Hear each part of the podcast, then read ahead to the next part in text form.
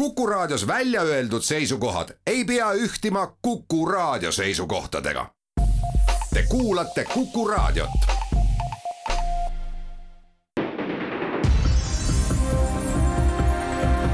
Tim Marshall, geograafia võim Postimehe kirjastuselt. ilusat uut alanud nädalat ja ka uut alanud suvekuud, head kuulajad august on reeglina Euroopas olnud ikka see aeg, kus kõige enam puhatakse, reisitakse, loetakse ja vast ka mõeldakse loetule. viimased kolm puhkusetegevust võiksid olla väga hästi põimitud ka meie selle nädala raamatusse, mis laias laastus on maateaduse ehk geograafia raamat aga sedasorti raamat, mis keskendub geograafia ja poliitika otsestele seostele ja võimalikele tagajärgedele, mida toosama geograafia oma täies ilus, mered, jõed, järved, metsad, mäed, võib põhjustada poliitikale tema täies ilus, ehk siis võim, varad ja võib-olla ka saamahimu Tim Marshalli geograafia võim on jätk eelmise aasta lõpus eesti keeles samuti Postimehe kirjastuse välja antud ja siiani müügil olevale raamatule Geograafia vangid. See raamat jäi meil kahjuks siin rubriigis tutvustamata, mistap teen siis lühikese ülevaate mõistmaks raamatut, mis meil nüüd tutvustuses on tolles raamatus tutvustas autor kümne olulise kaardi näitel maailma riikide geopoliitilisi strateegiaid ja lõi konteksti, millele peaksime esimese hooga mõtlema, aga tihtilugu ei mõtle. nimelt, kuidas nende riikide füüsilised omadused mõjutavad nende tugevust ja haavatavust ning nende juhtide otsuseid. No näiteks, suure merepiiriga Venemaal peaks olema mõistagi suur merevägi ja Peeter Esimese looduna ta ka on aga samas on poole ajast ta suhteliselt piiratud võimega, sest Venemaa jaoks olulised sadamad on lihtsalt külmunud ja kuidas see nende mereväe võimekust siis mõjutab? või siis, kuidas piirab Hiina tulevikku tema geograafia? samuti suur riik merepiiriga, samas kui teine pool riigist on piiratud kõrge Himalaia mäestikuga. Marshall püstitas selles raamatus ka küsimused, miks ei ole Euroopa kunagi ühtne ja miks ei saa Ameerikasse kunagi sisse tungida. ja leidis vastuse geograafiast ja nüüd on siis sisult sama, aga risti vastupidi, looduslike piirangute toel hoopis riikide võimalusi tutvustav raamat meil käes räägime mõne sõnaga ka autorist endast. Tim Marshall on tänaseks kuuekümne kolme aastane Briti ajakirjanik ja ajakirjandusliku sisu looja. see on siis vast täpseim vaste inglisekeelsele väljendile broadcaster, kes on ajakirjaniku ja kaastöötajana või siis eksperdina teinud kaastööd väga paljudele üleilmsetele uudistekanalitele, nagu näiteks BBC ja Sky News, ajalehtedest rääkimata ja juba selles rollis oli ta tuntud välispoliitika ekspert, aga hoobilt lennutas ta tuntuses veelgi kõrgemale niisiis geograafia vangide raamat, mis nii New York Timesis kui ka Sunday Timesis pälvis bestselleri tiitlid ja see raamat osutus nii menukaks, et autor otsustas sellele kirjutada ka lihtsustatud ja rohkemate illustratsioonidega versiooni laste jaoks. ja seegi osutus menukiks enne oma geograafiaraamatuid jõudis ta valmis kirjutada ka kaks samuti väga menukat raamatut. Eesti keeles pole nüüd kahjuks kumbagi ilmunud. üks neist kõneles Briti jalgpallifännide klannide ajaloost ja kultuurist ning teine Euroopa toonaseks hetkeks viimasest sõjast ehk Jugoslaavia sõjast vaatega selle riigi kunagise presidendi Slobodan Miloševiči langusele paariaks ja sõja kurjategijaks nii et tegemist on üsna eriilmelise autoriga meie käesoleva nädala raamatu on tõlkinud eesti keelde Mari Ollino ja toimetajatöö ning korrektuuri teinud Lea Arme. ja seekordsesse raamatusse on autor taas kord toonud kümme maakaarti või olgem täpsed, siis maakaarte kui selliseid on üheksa ja kümnes peatükk räägib meile hoopis kosmosest. ja need peaksid siis kokkuvõttes ära näitama meie maakera tulevikku. Need kümme kaarti on Austraalia, Iraan, Saudi Araabia, Suurbritannia, Kreeka, Türgi, Saheli piirkond, Etioopia, Hispaania ja nagu öeldud, kosmos mõne nimetatud regiooni puhul saaks päevapoliitikat jälgiv lugeja aru, et miks just need, mõne puhul kerkib aga kulm, aga kui läbitud vastava peatüki saad, siis enam mitte. ja veelgi enam, turistina mõnd nimetatud riiki külastades hakkad kindlasti ka seda hoopis teise pilguga vaatama tuleb tunnistada, et siinkõneleja jaoks ütleb Marshall juba sissejuhatuses ühe konkreetse lõiguga ära, mida ta käesolevat raamatut kirjutades tegelikult öelda tahtis. tsiteerin. geograafia on peamine tegur, mis ütleb, mida inimkond saab või ei saa teha.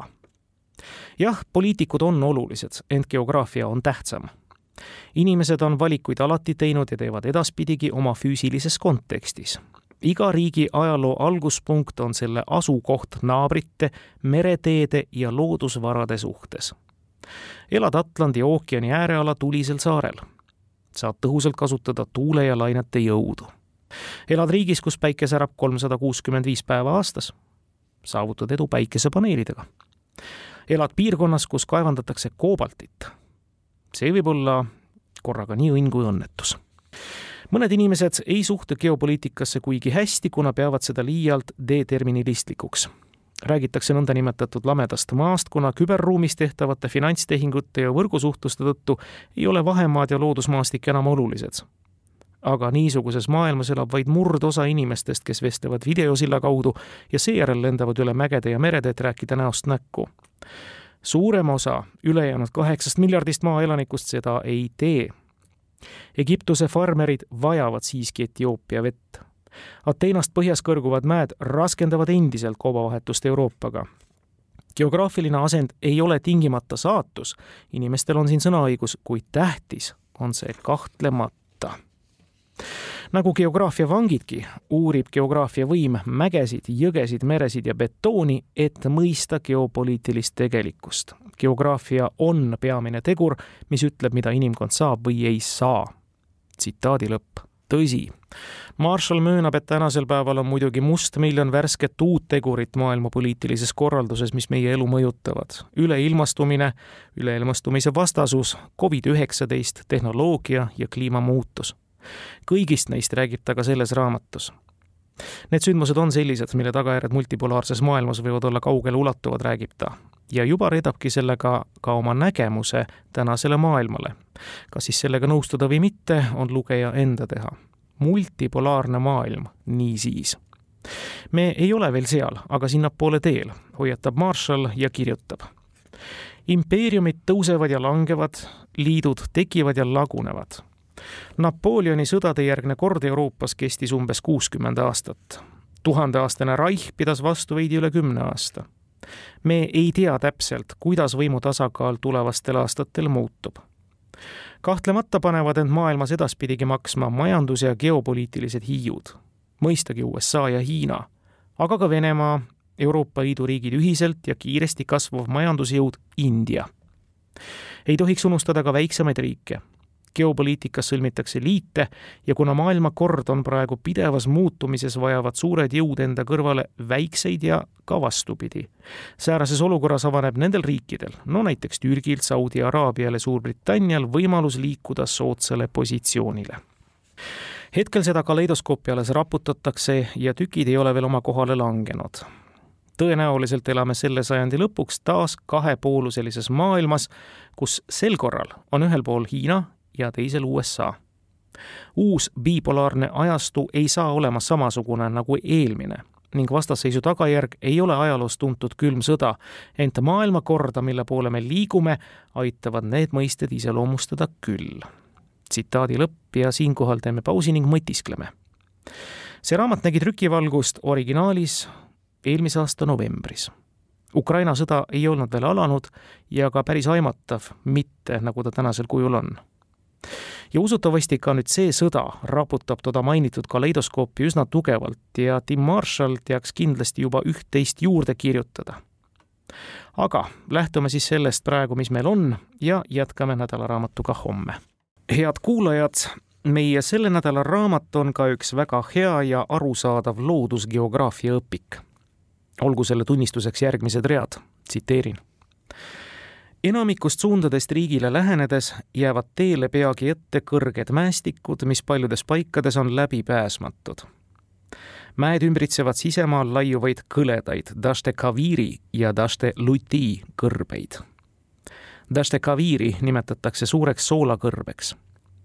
see on ligikaudu kaheksasada kilomeetrit pikk ja kolmsada kakskümmend kilomeetrit lai umbes sama suur kui Holland ja Belgia kokku. olen sellest kõrbest läbi sõitnud. Peale igava tasase võsamaa sealt suurt midagi pole. vaatamisväärsusi selles kõrbes otsida ei tasu. soolakõrbe mõnes osas on soolakihi all peidus sügav muda, millesse võib lausa uppuda. ja uppumine kõrbes tundub eriti rumal suremise viis. tsitaadi lõpp nõnda kirjeldab nädalaraamatu autor Tim Marshall Iraani ja annab lugejale ette hoopis teise perspektiivi ja dimensiooni, miks selle riigi sõjalist ründamist välditakse. See põhjus ei ole niisiis riigi suurus nii pindalalt kui rahvaarvult ja seegi, et tegemist on potentsiaalse tuumariigiga ning alati ohtlike usufanaatikutega, sedakorda siis šiia moslemitega vaid tõepoolest, kui sa tahad Iraani tungida ja riigiala hõivata, siis pead sõdima soos, mägedes ja kõrbetes või korraldama siis meredessandi ja ikka sedasama tegema. Iraani pinnamood on hirmuäratav takistus igale potentsiaalsele sissetungijale ja okupeerijale. Mäeseinast läbimurdmine läheb kalliks maksma ja okupant pöördub koju tagasi. ja see, ehk siis Iraani sõjaline karistamine maailma konfliktiolukordades näppu vibutavale politseinikule USA-le on ju päevakorras olnud, nagu meenutab autor ja tuleb meilegi meelde. George Bush noorema surematu lause kurjuse teleriikidest, kuhu kuulus ka Iraan ja ka mõned radikaalid Bushi valitsuses õhutasidki kahe tuhandendate aastate alguses presidenti Iraani ründama, aga targemate sõna jäi peale tolleaegne välisminister ja staabiülemate ühendkomitee endine esimees Colin Powell väitis, et õhujõud üksi suurt edu ei saavutaks ja puhkevas sõjas peaks ilmselt paratamatult osalema ka maavägi. ja Powell toetus taas kord USA sõjaväe vanale lööklausele. meie tegutseme kõrbetes, mitte mägedes ja kujutage ette, seda ütles maailma ühe võimsama sõjaväejuht. muide, tegelikult on USA ja Iraan pidanud sõdu küll, kuid suur hulk välissõdureid on Iraani mägedesse jätnud oma elu ja need konfliktid pole kuhugi viinud. Iraanile kui tõesti juba inimasustuse aegade algusest olulisele piirkonnale pühendab Tim Marshall raamatus palju lehekülgi ja iga vähegi täna poliitikat jälgiv inimene saab aru, miks Iraanile kuuluvad maailma suuruselt neljandad naftavarud, hoomamatud gaasivarud. tõsi, neil endil pole pärast läinud sajandi kaheksakümnendatel aastatel toimunud ja maailma mõttetuimaks sõjaks nimetatud Iraagi-Iraani konflikti ja seal hävitatud naftapuhastustehaseid naftaga enam midagi peale eksportimise peale hakata ja tänasel päeval ja ajastul, nagu teame, on nad venelastes ja hiinlasteski leidnud väga tänuväärse importija ja partneri oma naftale teisalt aga on Iraan väga paljurahvuseline riik. pärslased moodustavad seal küll enamuse, aga seal on ka türkmeene, asereid, sõjakaid kurde ja paljusid teisigi ja nendel samadel ilmvõimatutel mägialadel peamiselt. ja need paljud rahvad kipuvad olema kas mässumeelsed või vähemalt teisitimõtlejad ja teisiti uskujad säärase kultuurilise ja keelelise mitmekesisuse tõttu on riigivalitsejad alati püüdnud luua tugevat, tsentraliseeritud ja sageli repressiivset valitsusaparaati, mis hoiaks vähemusi vaos ja hoolitseks selle eest, et ükski regioon teistest ei eralduks ega välisjõude abistaks. ja seda teevad peamiselt ajatollad ja tegid ka nende eelkäijad. ja tulles nüüd füüsilise geograafia juurde tagasi Iraani üks peamisi eksporditeid viib Omaani lahte Hormuzi väina kaudu. See väin on Iraani ainus väljapääsutee avamerele ja kõige kitsamas kohas on see kõigest kolmkümmend neli kilomeetrit lai. mõlemas suunas kulgeva kaubaveotee laius on vaid pisut üle kolme kilomeetri ja nende vahel on veel kolme kilomeetri laiune puhvertsoon, et ära hoida õnnetusi. see on Iraani silmis kahe teraga mõõk üks põhjus, miks Iraan pole kunagi olnud suur merejõud, on see, et riigi väljapääsu ookeanile saab kergesti blokeerida. Ent väina kitsuse tõttu saab Teheran ähvardada kõigile selle sulgeda ja ta on ka seda teinud muide. kuna Hormuzi väina kaudu transporditakse viiendik kogu maailma naftavarudest, tekitaks selle sulgemine kahtlemata suuri probleeme see blokaad teeks halba ka Iraanile endale ja ilmselt algaks seepeale sõda, kuid Iraan võib selle kaardi alati välja käia ja valitsus on investeerinud ka vahenditesse, millega saaks Hormuzi väinast teha trumpkaardi. Ja nüüd palun väga, korraks mõtleme enda ajakohaselt maakaardil Hormuzi väinast loodesse Mustale merele ja me saame aru, mida võib tähendada ühe veetee sulgemine Tim Marshall on üdini aus autor ja ta loetleb üles ka Iraani nõrgad kohad ning mõjutushoovad Neist vast olulisim võiks olla vesi. Veepuuduse tõttu asuvad paljud Iraani linnad mägede jalamil ja saavad oma vee mäenõlvadesse kaevatud tunnelitest, kust vesi voolab alla linnadesse jooksvatesse väikestesse kanalitesse. ja veepuudus on üks mitmest tegurist, mis on Iraani majandust pidurdanud.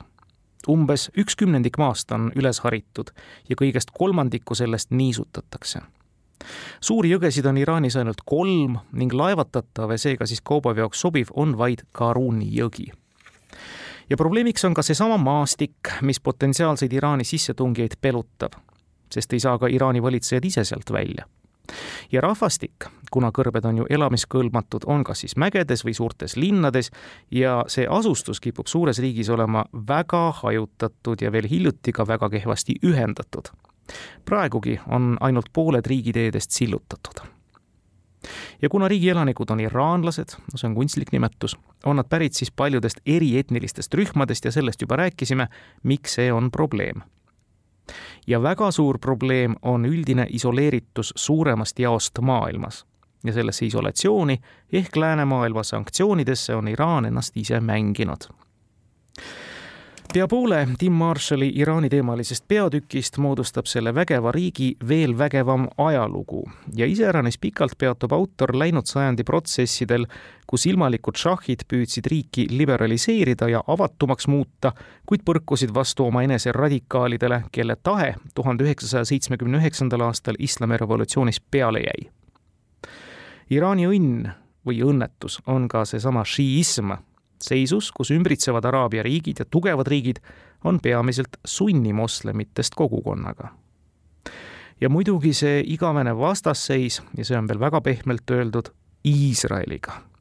ja nüüd siis jõuab Tim Marshall lõpuks ka tulevikuni, unustamata kindlasti ära ka Iraani ilmalike valitsejate vahepealseid kõikumisi siia ja sinnapoole konservatiivsuse skaalat viimase paari aastakümne vältel.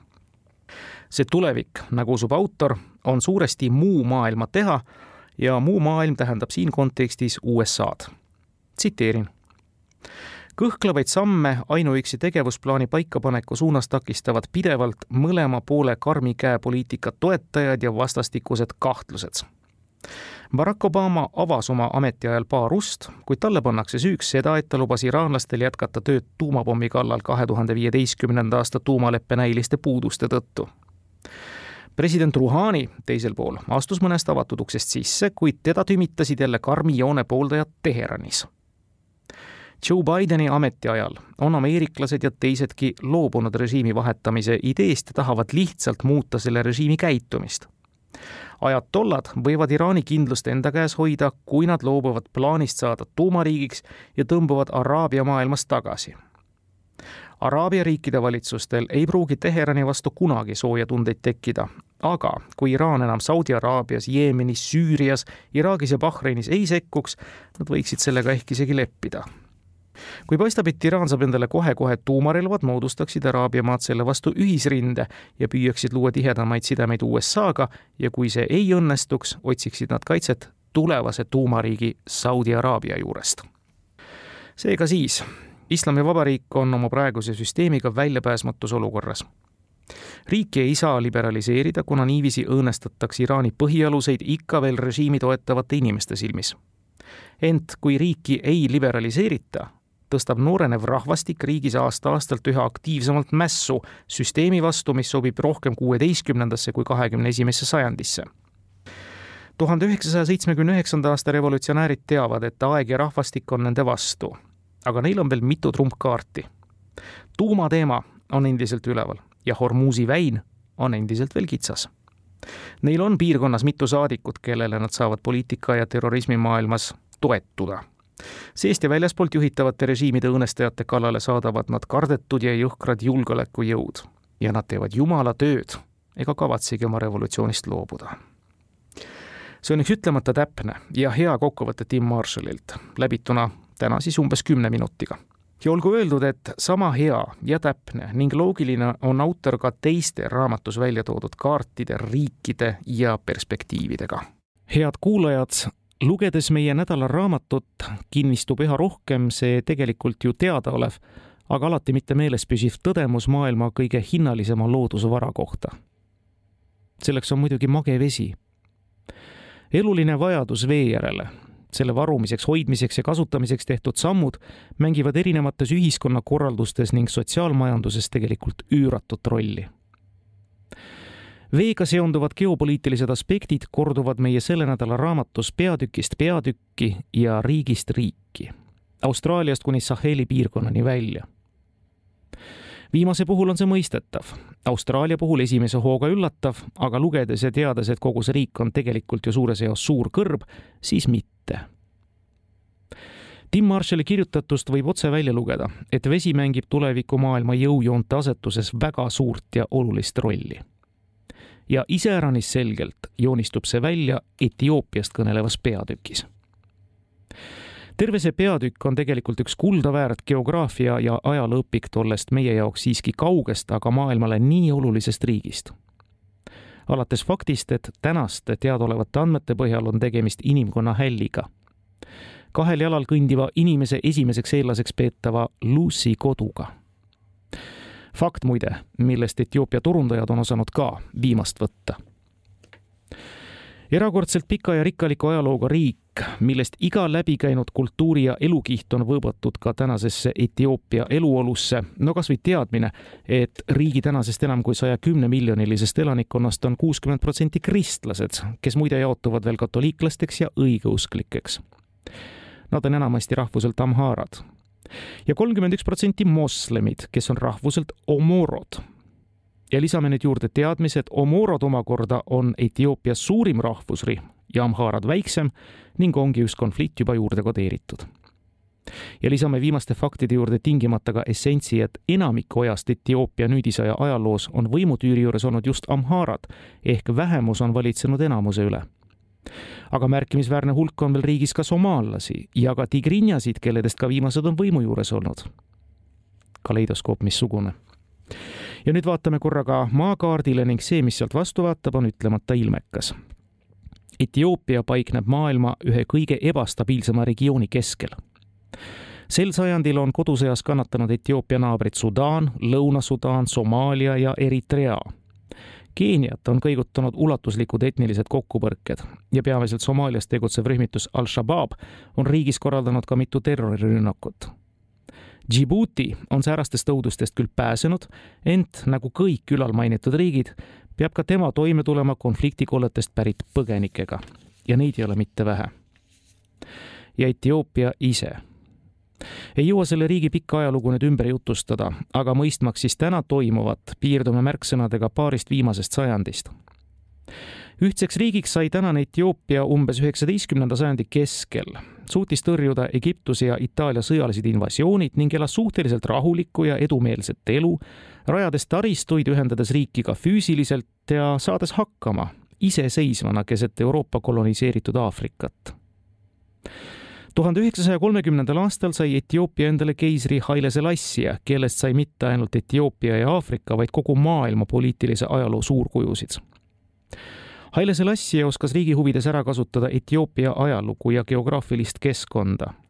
ta moderniseeris majandust ja sundis välisettevõtteid võtma ka kohalikke partnereid. keiser saavutas märkimisväärset edu ka välispoliitikas tõsi, kolmekümnendate aastate keskel tuli tal alla vanduda suuruse hullustuses riiki tunginud Mussolini Itaaliale, aga brittide abiga said ka nemad Teise maailmasõja lõpuks välja pekstud ja veelgi enam, neljakümne viiendal aastal veenis Haile Selassie USA presidenti, et Eritrea, mis oli samuti Itaalia kolonisaatoritest lahti saanud, ei tule iseseisva riigina toime ja peaks tingimata taaskord Addis Abeba võimu alla saama. muidugi oli keisri peamine ajend väljapääs merele ehk rahvusvahelisele kaubandusele ja Etioopia saigi ÜRO heakskiidul oma tahtmise aastal tuhat üheksasada viiskümmend kaks, aga too Eritrea provints kujunes edaspidi riigile parajaks peavaluks Haile Selassie kukutasid võimult omad. Ehk siis tuhande üheksasaja seitsmekümne neljanda aasta septembris korraldas sõjaväelise riigipöörde relvajõudude politsei ja territoriaalarmee koordineerimisnõukogu, mis sai tuntuks kui DERG, amhaara keeles nõukogu, ja mida juhtis major Mengistu Haile Mariam, kellest sai Etioopia diktaator sisuliselt kaheks kümnendiks ja kellega seostatakse kõiki neid hädasid ja ebameeldivusi, millega Etioopia siis kokku puutus ja mille haavad siiani tulitavad kuigi Etioopia on piirkondlik jõud, maadleb riik väga paljude probleemidega. ta võiks olla energia- ja toidusõltumatu. põllumajandus annab peaaegu poole Etioopia SKT-st. ent aegajaline põud, ulatuslik metsaraie, ülekarjatamine, sõjaväediktatuur ja vilets taristu on Etioopia arengut pidurdanud tuhande üheksasaja kaheksakümne neljanda, kaheksakümne viienda aasta kohutav näljahäda näitas, kui hulluks võib olukord minna ja see mõjutab endiselt Etioopia kuvandit väljaspool riigipiire. kuigi riigil on küllaga vett, viljakat maad ja kariloomi, vajavad miljonid etiooplased veel tänagi humanitaarabi nagu öeldud, Mariam oli diktaator, kehtestas enneolematult suure tsensuuri, kuid kukutati üheksakümne esimesel aastal ja ta põgenes koos riigivaraga Zimbabwesse uueks Etioopia juhiks sai Meles Zenavi, rahvuselt Tigrinja, mis tekitas ärevust ja konflikte seni võimul olnud Amhaaradesse.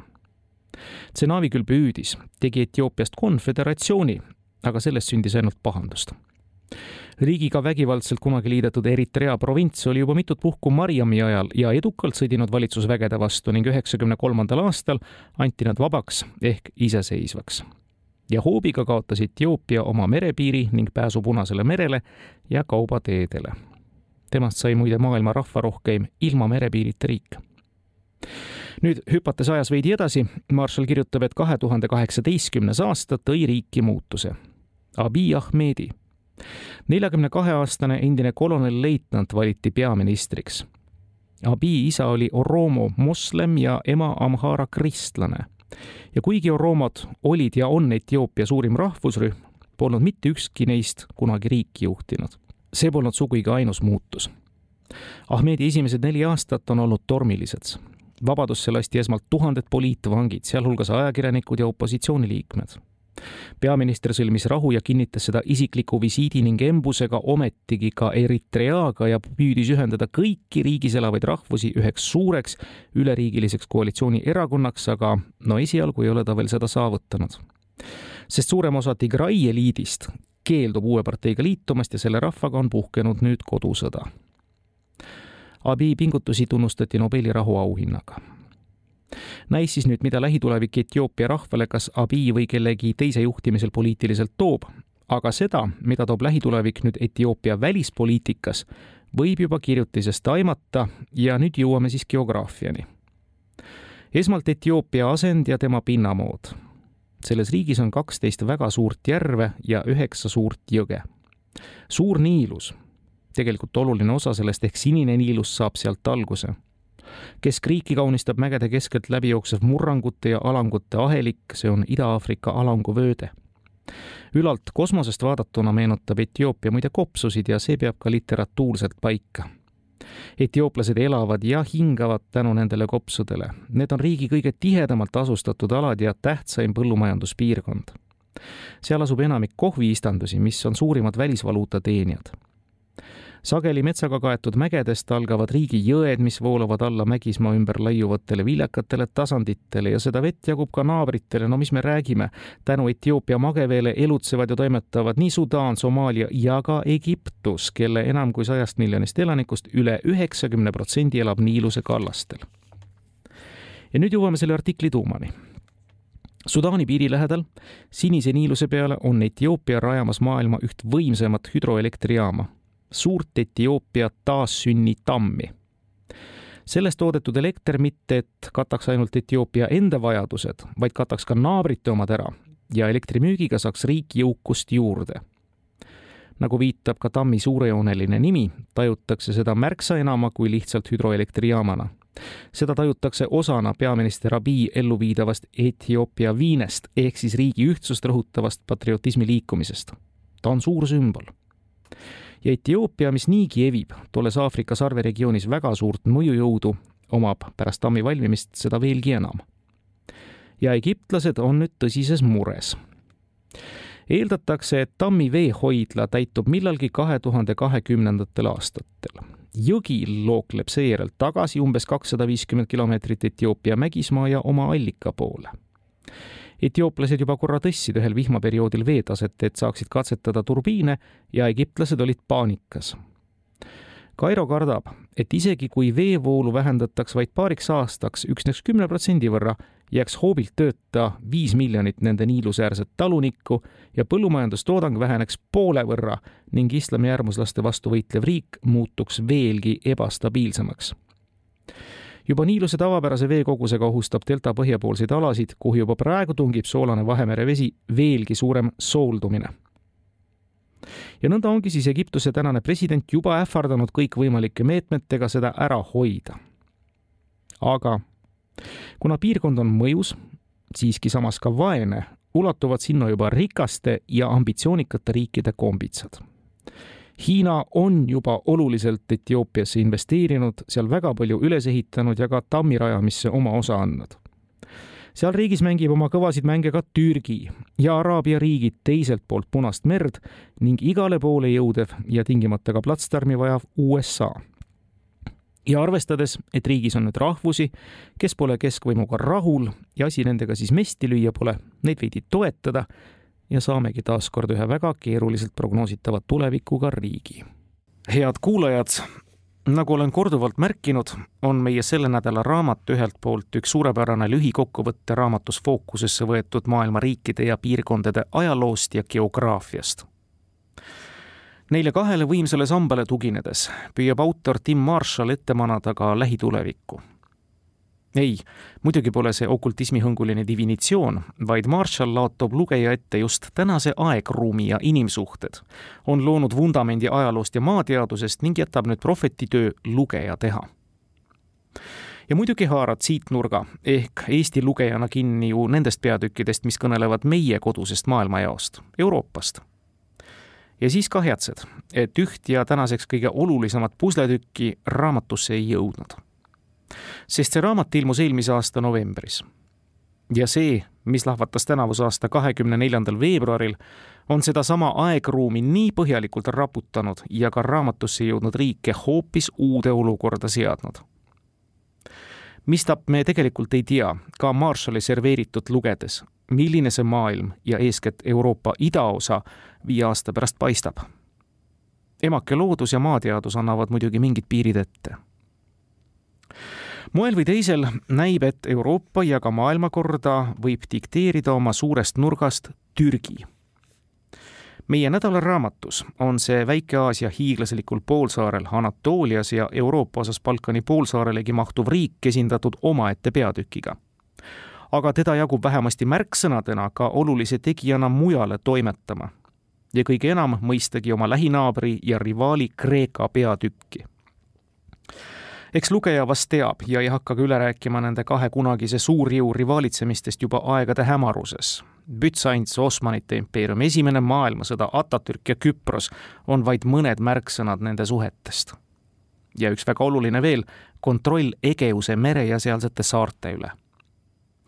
ja nüüd on lisandunud üks uus dimensioon uskuge või mitte, selleks on gaas.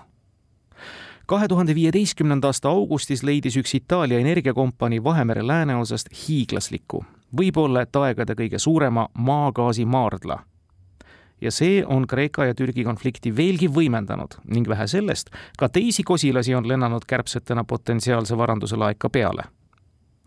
gaasi on leitud Egiptuse, Iisraeli, Küprose ja Kreeka rannikute lähedalt ärevil Türgi, mille territoriaalvetest ei ole kunagi maavarasid leitud, luurab Küprose ja Kreeka rannikuvetes ning on sõlminud mingi kummalise majandusvöönditu lepingu Liibüaga, mis president Erdogani arvates annab Türgile õiguse Vahemere maavaradele.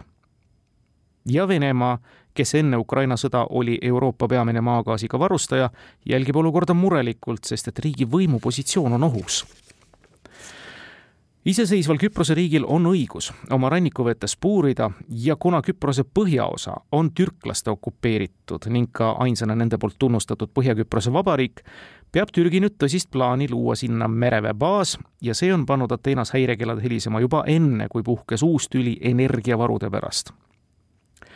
kahe tuhande üheksateistkümnenda aasta suvel ilmusid Türgi puurlaevad sõjalaevasaatel Küprose põhjarannikul lähedale ja Ankara sõnul olid laevad Põhja-Küprose Vabariigi territoriaalvetes ning Türgi mandrilava peal. see viimane lause nüüd on pandud jutumärkidesse. Küpros pöördus seepeale Euroopa Liidu poole, mis teatas, et Türgi teod on ebaseaduslikud ja võivad rikkuda Euroopa Liidu ja Ankara suhteid ja Küpros, Kreeka ning Egiptus, mis teevad Vahemerel maavarasid otsides koostööd, teatasid ühisavalduses, et Türgi on rikkunud rahvusvahelisi seadusi aga Türgi vastuseks teatas hoopis kahe tuhande kahekümnenda aasta juunis, et ta kavatsebki hakata nüüd puurima saarte lähedal, muuhulgas ka Roodose ja Kreeta rannikul. ja nagu öeldud, Türgi seisukoht põhineb ühel hämmastaval kokkuleppel, mille riik sõlmis Liibüaga kahe tuhande üheksateistkümnenda aasta novembris ja selle lepinguga loodi, sõna loodi on siin ka autoril jutumärkides, majandusvöönd, lai koridor Vahemeres, mis ulatub Türgi edelarannikust Liibüa põhjatipuni, hoolimata sellest, et too vöönd läheb läbi Kreeka majandusvööndist. Tim Marshall osutab raamatus ühele paradoksile. nimelt mõlemad, nii Kreeka kui Türgi on tublid NATO liikmed tublid selles mõttes, et nad panustavad riigikaitsesse oluliselt rohkem kui see kuulus kaks protsenti SKP-st ja nad ei tee seda sellepärast, et see on Põhja-Atlandi alliansi hea tava, vaid ikka üksteist silmas pidades. ja nüüd teades, et NATO kuulus artikkel viis loeb kallaletungi ühe riigi vastu kallaletungiks kogu organisatsiooni vastu, mis juhtub siis, kui üks NATO-sse kuuluv riik ründab teist NATO-sse kuuluvat riiki? seda ei osanud organisatsiooni luues ja laiendades sellele juhid isegi ette mitte kujutada. ja nüüd lisame juurde veel ühe olulise mängija Euroopas, Prantsusmaa, kellel pole ka Türgiga nüüd ülemäära sooja suhteid. tolle sama kahe tuhande kahekümnenda aasta veebruaris, kui Türgi fregatid sõitsid Küprose gaasimaardlate lähedal, saatis ka Prantsusmaa oma lennukikandja Charles de Gaulle'i oma NATO liitlase laevu jälgima. Prantsusmaa ja Türgi suhted on parimal juhul olnud jahedad juba tuhande üheksasaja seitsmekümne neljandast aastast saadik, kui Türgi väed tungisid Küprosele ja president d'Estaing invasiooni hukka mõistis suhted muutusid jäiseks pärast seda, kui Prantsusmaa tähistas esimest Armeenia genotsiidi riiklikku mälestuspäeva. Prantsusmaal elab väga palju armeenlasi nimelt. aga Türgi, teame, ei ole nõus neid tapatalguid mitte mingil juhul genotsiidiks nimetama ja ega need suhted kahe riigi vahel lähe paremaks ka teadmisest, et türklased on proovinud embargosid rikkudes toimetada relvi oma liitlasele ja majanduskoostöö partnerile Liibüasse. aga mis mänge see tänane Türgi üldse mängib? Ja seda on iseäranis nüüd, Ukraina sõjaaegu ju palju küsitud. ainus, mida me ehk kindlamalt teame, on see, et need mängukaardid on president Recep Tayyip Erdogani käes. Tim Marshall, meenutagem siis korra veel, et raamat on kirjutatud enne Ukraina sõda, otsib vastuseid sarnaselt teistegi piirkondadega nii geograafiast kui ajaloost alustades taas kord väga kaugelt, markeerides ära siis Türgi ja kogu Väike-Aasia olulist rolli ida ja lääne ühendajana ja elulise tähtsusega kaubateena. mainides ära ka Osmani impeeriumi, lugematuid sõdu nii venelastega põhjas kui kreeklaste ja nende liitlastega läänes, muidugi unustamata sedasama armeenlaste genotsiidi tuhat üheksasada neliteist ja viisteist uus Türgi riigi lugu saab alguse aastal tuhat üheksasada kakskümmend kolm Mustafa Kemal Atatürkist ja tema riigi moderniseerimisest oma olulise staatuse kaubatee ja ida-lääne väravana minetanud riik hakkas seda positsiooni taas taastama. Türgi võeti NATO liikmekski pragmaatilistel kaalutlustel, just geopoliitilistel põhjustel ja isegi suur allianss vaatas läbi sõrmede riigis toimunud kolmele sõjaväelisele riigipöördekatsele, pomisedes midagi Türgi riigi siseasjadest tuhande üheksasaja üheksakümnendatel aastatel sai Türgist taas kord tähtis kaubatee, kui riik ehitas gaasi- ja naftajuhtmed, mis viisid Iraagist ja Kaspia merest läbi Anatoolia kõike seda hinnalist kraami Euroopasse. Türgi oli loonud ühtlasi NATO ühe suurema ja võimsama armee, mis suurendas riigi enesekindlust külma sõja järgne maailmakord lubas suurel riigil ka iseseisvamalt maailma asju hinnata ning ennast läänega siduda ja Euroopa Liitu astuminegi tundus hea mõte, ehkki enamik kriteeriume olid ja on riigis siiani täitmata. ja kui Ankara sellest isegi aru sai, et Euroopa Liidu liikmeks vast ei saa, võttis ta uue juhi taktikepi all tasapisi ka uue suuna.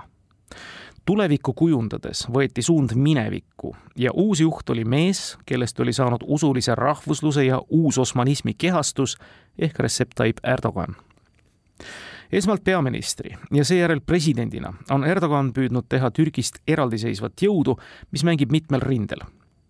kahekümne esimese sajandi esimesel kümnendil paistis, et Ankara on edaspidigi hea NATO liitlane ja Euroopa Liidu liikmeks pürgija aga selle strateegiaga läksid vastuollu riigi geograafilised, ajaloolised ja ideoloogilised juured, mis soodustasid hoopis teistsuguse mõtteviisi kujunemist, kirjutab Marshall ja asjatundjad pole siiani üksmeelel selles, kas Erdogan on tõepoolest islamist, kes usub, et poliitikat ajades tuleks lähtuda radikaalsematest islami tõlgendustest. nooruses ta seda kahtlemata oli, ta istus oma veendumuste tõttu vangiski, kust vabanedes rajas õigluse ja arengu partei, kes nüüd ajabki seda uusosmanluse asja. Erdogan usub, et Türgist saab ülemaailmne supervõim, kui lääne jõud raugeb. aga ta soovib seda teha lahke partneri ja õpetajana selle sajandi alguse välispoliitiline eesmärk oli null probleemi naabritega ja Ankara hoidis sõbralikke suhteid nii lääne jõududega kui laiendas samal ajal oma mõjusfääri Balkani maades ja Lähis-Idas, kasutades kaubavahetust, pehmet jõudu ja diplomaatiat. muide, ka Jugoslaavia sõjas üritas olla vahendaja rollis. kahekümne esimese sajandi teise kümnendi alguseks oli aga seesama pehme poliitika ennast ammendanud pärast Araabia maade ülestõusu puhkemist kahe tuhande üheteistkümnendal aastal olid selle poliitika elupäevad õhtul eesmärgist null probleemi naabritega oli Türgi ja on siiani päris kaugel. praegu oleks õigem öelda null sõpra. aastaks kaks tuhat kakskümmend oli Türgi pööranud tülli Süüria, Egiptuse, Saudi Araabia, Araabia Ühendemiraatide, Kuveidi, Iisraeli, Iraani, Armeenia, Kreeka, Küprose ja Prantsusmaaga ja ärritanud kõiki oma NATO liitlasi, kuna ostis S-400 õhu- ja raketitõrjesüsteemi NATO suurimalt rivaalilt Venemaalt ja tänaseks teame, on Türgi lubanud blokeerida ka NATO laienemist. ja kogu selle tantsu keskel, mille eesmärgiks on siis kas kunagise impeeriumi või vähemasti impeeriumi mõju taastamine, mis toimub Türgis endas, kus elab ju ka mitmeid rahvusi ja üks neist kohe eriti arvukalt ja siin-seal ka eriti sõjakalt. kurdid ja Kurdistan, mille iseseisvuspüüdlused on kogu moodsa Türgi riigi ajalugu mõjutanud ja Erdoganil on sisepoliitikas ilma kurdidetagi probleeme. noh, nagu näitas ka hiljutine külenistide riigipöörde katse. ja veel kord, Ukraina sõda ja Türgi roll selle mõjutamisel on jäänud ju raamatust välja. aga naastes nüüd geograafia juurde, nagu autor kirjutab, geograafiline keskkond jääb alatiseks piirama seda, kui kaugele Türgi oma püüdlustes jõuab. head kuulajad, meie nädalaraamat, kus autor Tim Marshall üsna veenvalt harib maailma erinevate piirkondade ajaloost ja geograafiast, viib lugeja lõpuks maalt välja. väga olulise ja eelloetuga üllatavalt haakuva teemana seisab kaante vahel ka peatükk kosmosest. ja kui ehk on mõni eelarvamus selle kohta, et mis ulme või Star track sealt võiks vastu vaadata, siis oh ei. see, millest Marshall kirjutab, on täiesti reaalne, käegakatsutav lähitulevik ka tänapäev ja muide ka märkimisväärne minevik. kosmose praktilise ärakasutamise ajalugu oma riigi võimu, julgeoleku ja miks mitte ka materiaalsetes huvides ulatub tegelikult juba enam kui sajandi taha kui Venemaa ja vahel ka kogu maailma kosmosepioneeriks loetav Konstantin Tsiolkovski tegi juba tuhande üheksasaja kümnendatel aastatel arvutusi, mida muide tänini kasutatakse kui Saksa konstruktor Werner von Braun sai tuhande üheksasaja kolmekümnendatel valmis mandritevahelise raketi V2, mis teises maailmasõjas ka sakslaste poolt kasutamist leidis ja mida muide peetaksegi esimeseks reaalselt kosmosesse jõudnud lennuvahendiks. siin jõuame muidugi küsimuseni, kust maalt algab kosmos. sest see on just tulevikku silmas pidades üks võtmeküsimusi. aga sellest veidi hiljem ajalugu teab, et võidujooks kosmosesse algas läinud sajandi viiekümnendatel ja kuuekümnendatel aastatel ja võidujooksjateks olid NSV Liit ja USA. vahefiniši võidud kuulusid mõlemale suurjõule. Nõukogude Liit sai esimesena üles tehiskaaslase ja elusolendi Laika, samuti esimese inimese Juri Gagarini.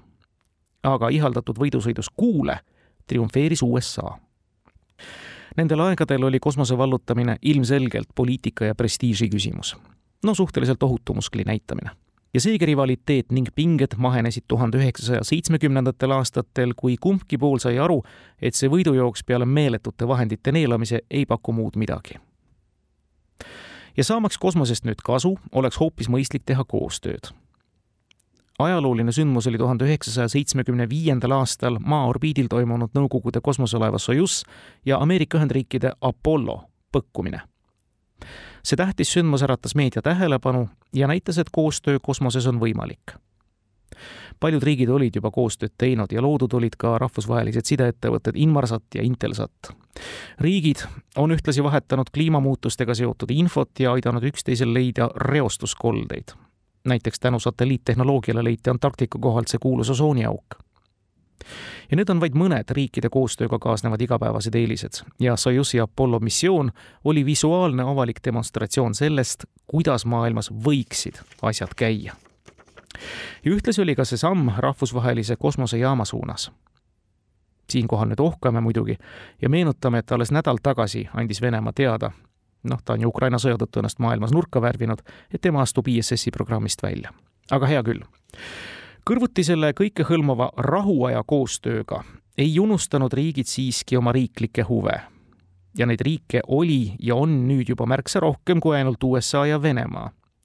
sest mitte ainult ambitsioon, vaid ka vahendid on taeva vallutamiseks olemas juba Hiinal, kes piltlikult öeldes on käppa peale panemas kuu tagumisele küljele Euroopal, nagu teame, on oma ühine kosmoseagentuur, see on olemas muide ka Indial ja Jaapanil ja kosmoseuuringutega tegeleb agentuuri tasemel veel rohkemgi riike. ja võimekust rakette lennutada evib juba ka erasektor. ja mis on kogu selle asja mõte siis? üks asi tõesti, loodushoiu aspektid nagu näiteks kliimamuutuste seiramine, aga seal on ka kosmoseavastuslikud aspektid, teadmised meie universumi moodustumisest ja toimimisest ja loomulikult ka majanduslik aspekt, satelliitside, levi, kommunikatsioon ja nüüd jõuame otsapidi ka siis sõjalise otstarbeni kõikvõimalik luureaparatuur ja aparatuur, mis omakorda luure- ja sideaparatuuri on mõeldud kas segama või hävitama. ajal, kui õhus vuhisevad mandritevahelised raketid on suurriikidel igapäevases varustuses ja nagu teame, ka üsna permanentses laskevalmiduses, on orbiidil olemas vahendid, millega neid saaks alla tuua tuhande üheksasaja kaheksakümnendate aastate alguses, kui külma sõja aegu oli tuumasõda käegakatsutav võimalus, kuulutas USA välja projekti nimega strateegilise kaitse algatus. sellega taheti luua raketitõrjesüsteemi, mis kaitseks USA-d tuumarünnaku eest.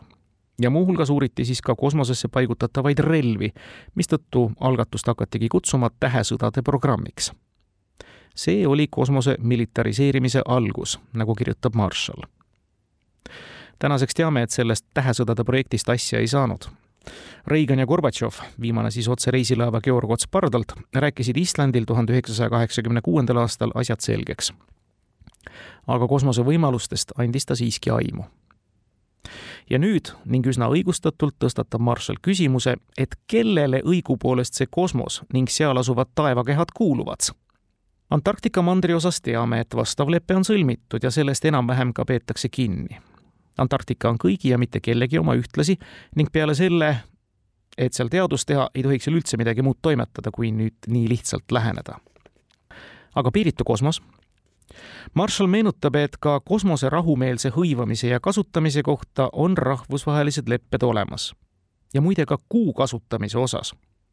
aga need on juriidilisest aspektist täiesti mõttetud lepped, nagu asjatundjad viitavad auke ja tõlgendamisruumi on seal nii palju, ja üleüldse, kui vaadata meie suure idanaabri peale, kas üldse mingid kokkulepped on seda takistanud, sellesama leppega Venemaad tagumikku pühkimast. ja nüüd me jõuame ka siis selle kosmose määratluseni, kust maalt ta siis siit maalt vaadatuna algab. meie atmosfäär nimelt ei haihtu lihtsalt äkitselt, see lihtsalt õheneb ajapikku ja mitmesaja kilomeetri jooksul NASA ja paljude teiste USA organisatsioonide määratluse järgi algab kosmos kaheksakümne kilomeetri kõrguselt merepinnast Šveitsis baseeruva ja aeronautikaga seotud maailmarekordid kinnitava Rahvusvahelise Lennuspordiliidu sõnul aga saja kilomeetri kõrguselt. Neid definitsioone on veel, kuid mitte ükski neist ei oska öelda täpset kaugust. mõned riigid ei tunnista üldse rahvusvahelist juriidilist määratlust, kuna leiavad, et seda pole tarvis ja oletame nüüd, et üks riik ütleb, et kosmos algab saja kilomeetri kõrgusel, teine aga ütleb, et kaheksakümne kilomeetri kõrgusel. seega siis, kui esimene riik lennutab oma satelliiti üheksakümne kilomeetri kõrgusel teise riigi kohal, võidakse see alla tulistada. Õnneks pole taolisi asju veel juhtunud. ja teine suur miinus, mille peab taoliste kokkulepete juures ära tooma tuhande üheksasaja seitsmekümne üheksandal aastal jõustus Kuu ja teiste taevakehade riikliku kasutamise leping kosmose rahumeelse kasutamise komitee loodud konventsioon toetus omakorda siis avakosmose lepingule ja selle võttis vastu ÜRO Peaassamblee. aga selle kuulepingu on ratifitseerinud vaid käputäis riike. Venemaa, USA ja Hiina pole lepet allkirjastanud ega seda ka ratifitseerinud. ja need on peamised kosmoseriigid. nii et millest me siis räägime? ja nüüd perspektiividele mõeldes ei ole Marshall unustanud ka maalähedast geograafiat lugejale tutvustamast ta loetleb üles mitmed olulised vööndid, vaatleb näiteks gravitatsiooni mõju ja vahendab resümeeks astropoliitika teoreetiku professor Everett Dolmani öeldut. kosmos ei ole tühi koht, see on külluslik paik gravitatsiooniliste mägede ja orgude, ookeani ja jõgede, loodusvarade ja energiaga. see, kes valitseb maalähedase orbiidi üle, valitseb maalähedast kosmost. ja see, kes valitseb maalähedast kosmost, valitseb maakera see, kes valitseb maakera, otsustab inimkonna saatuse. varasematel sajanditel pidi valitseda ihkav riik paigutama maa- ja mereväed strateegilistele positsioonidele ja kiivalt valvama mereteid ja kitsaskohti, no nagu näiteks Gibraltari ja Malocca väin.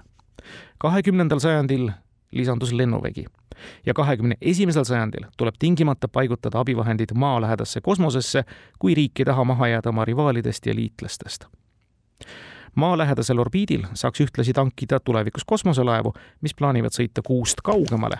ja kui üks võimas riik haaraks selles koridoris võimu, saaks temast väravavalvur, kes võib takistada võistlejaid koridoris kosmosesõidukeid tankimast ja seega ka siis kaugemale rändamast. ja võimalused selle kosmose nii-öelda Bosporuse ja Gibraltari väina hõivamiseks käivad palavikuliselt. ja mitte ainult nende. maa lähedal on ka viis Lagrange'i punkti, Need on siis kohad, kus Maa ja Kuu gravitatsioonijõud on võrdsed ning väikese massiga objektid saavad sealt suure massiga taevakehade suhtes paigal seista ilma kütust kasutamata. ja nende punktide pärast võidakse hakata võistlema, õigemini juba võisteldaksegi. kaks neist on kohtadest, kus saab kenasti jälgida ka vööndit, kus tiirlevad satelliidid ja üks selline punkt muide asub ka Kuu tagaküljel, kuhu juba hiinlased on oma masinda kuundanud ja kavatsevad seal toimetama hakata. ühesõnaga, see mängumaa, kosmos, on nii lai ja mitmekihiline ja tegelikult üsna loetud mängijatega. kallid kuulajad, nüüd on aeg meie selle nädala raamatuga lõpetada. ühes soojade soovitustega see kindlasti kätte võtta, sest siin peab tõesti paika see tõdemus, et kes loeb, see teab. ja lisame juurde, et oskab ka hinnata geograafia võimu riikide võimu üle Tim Marshall geograafia võim. Postimehe kirjastuselt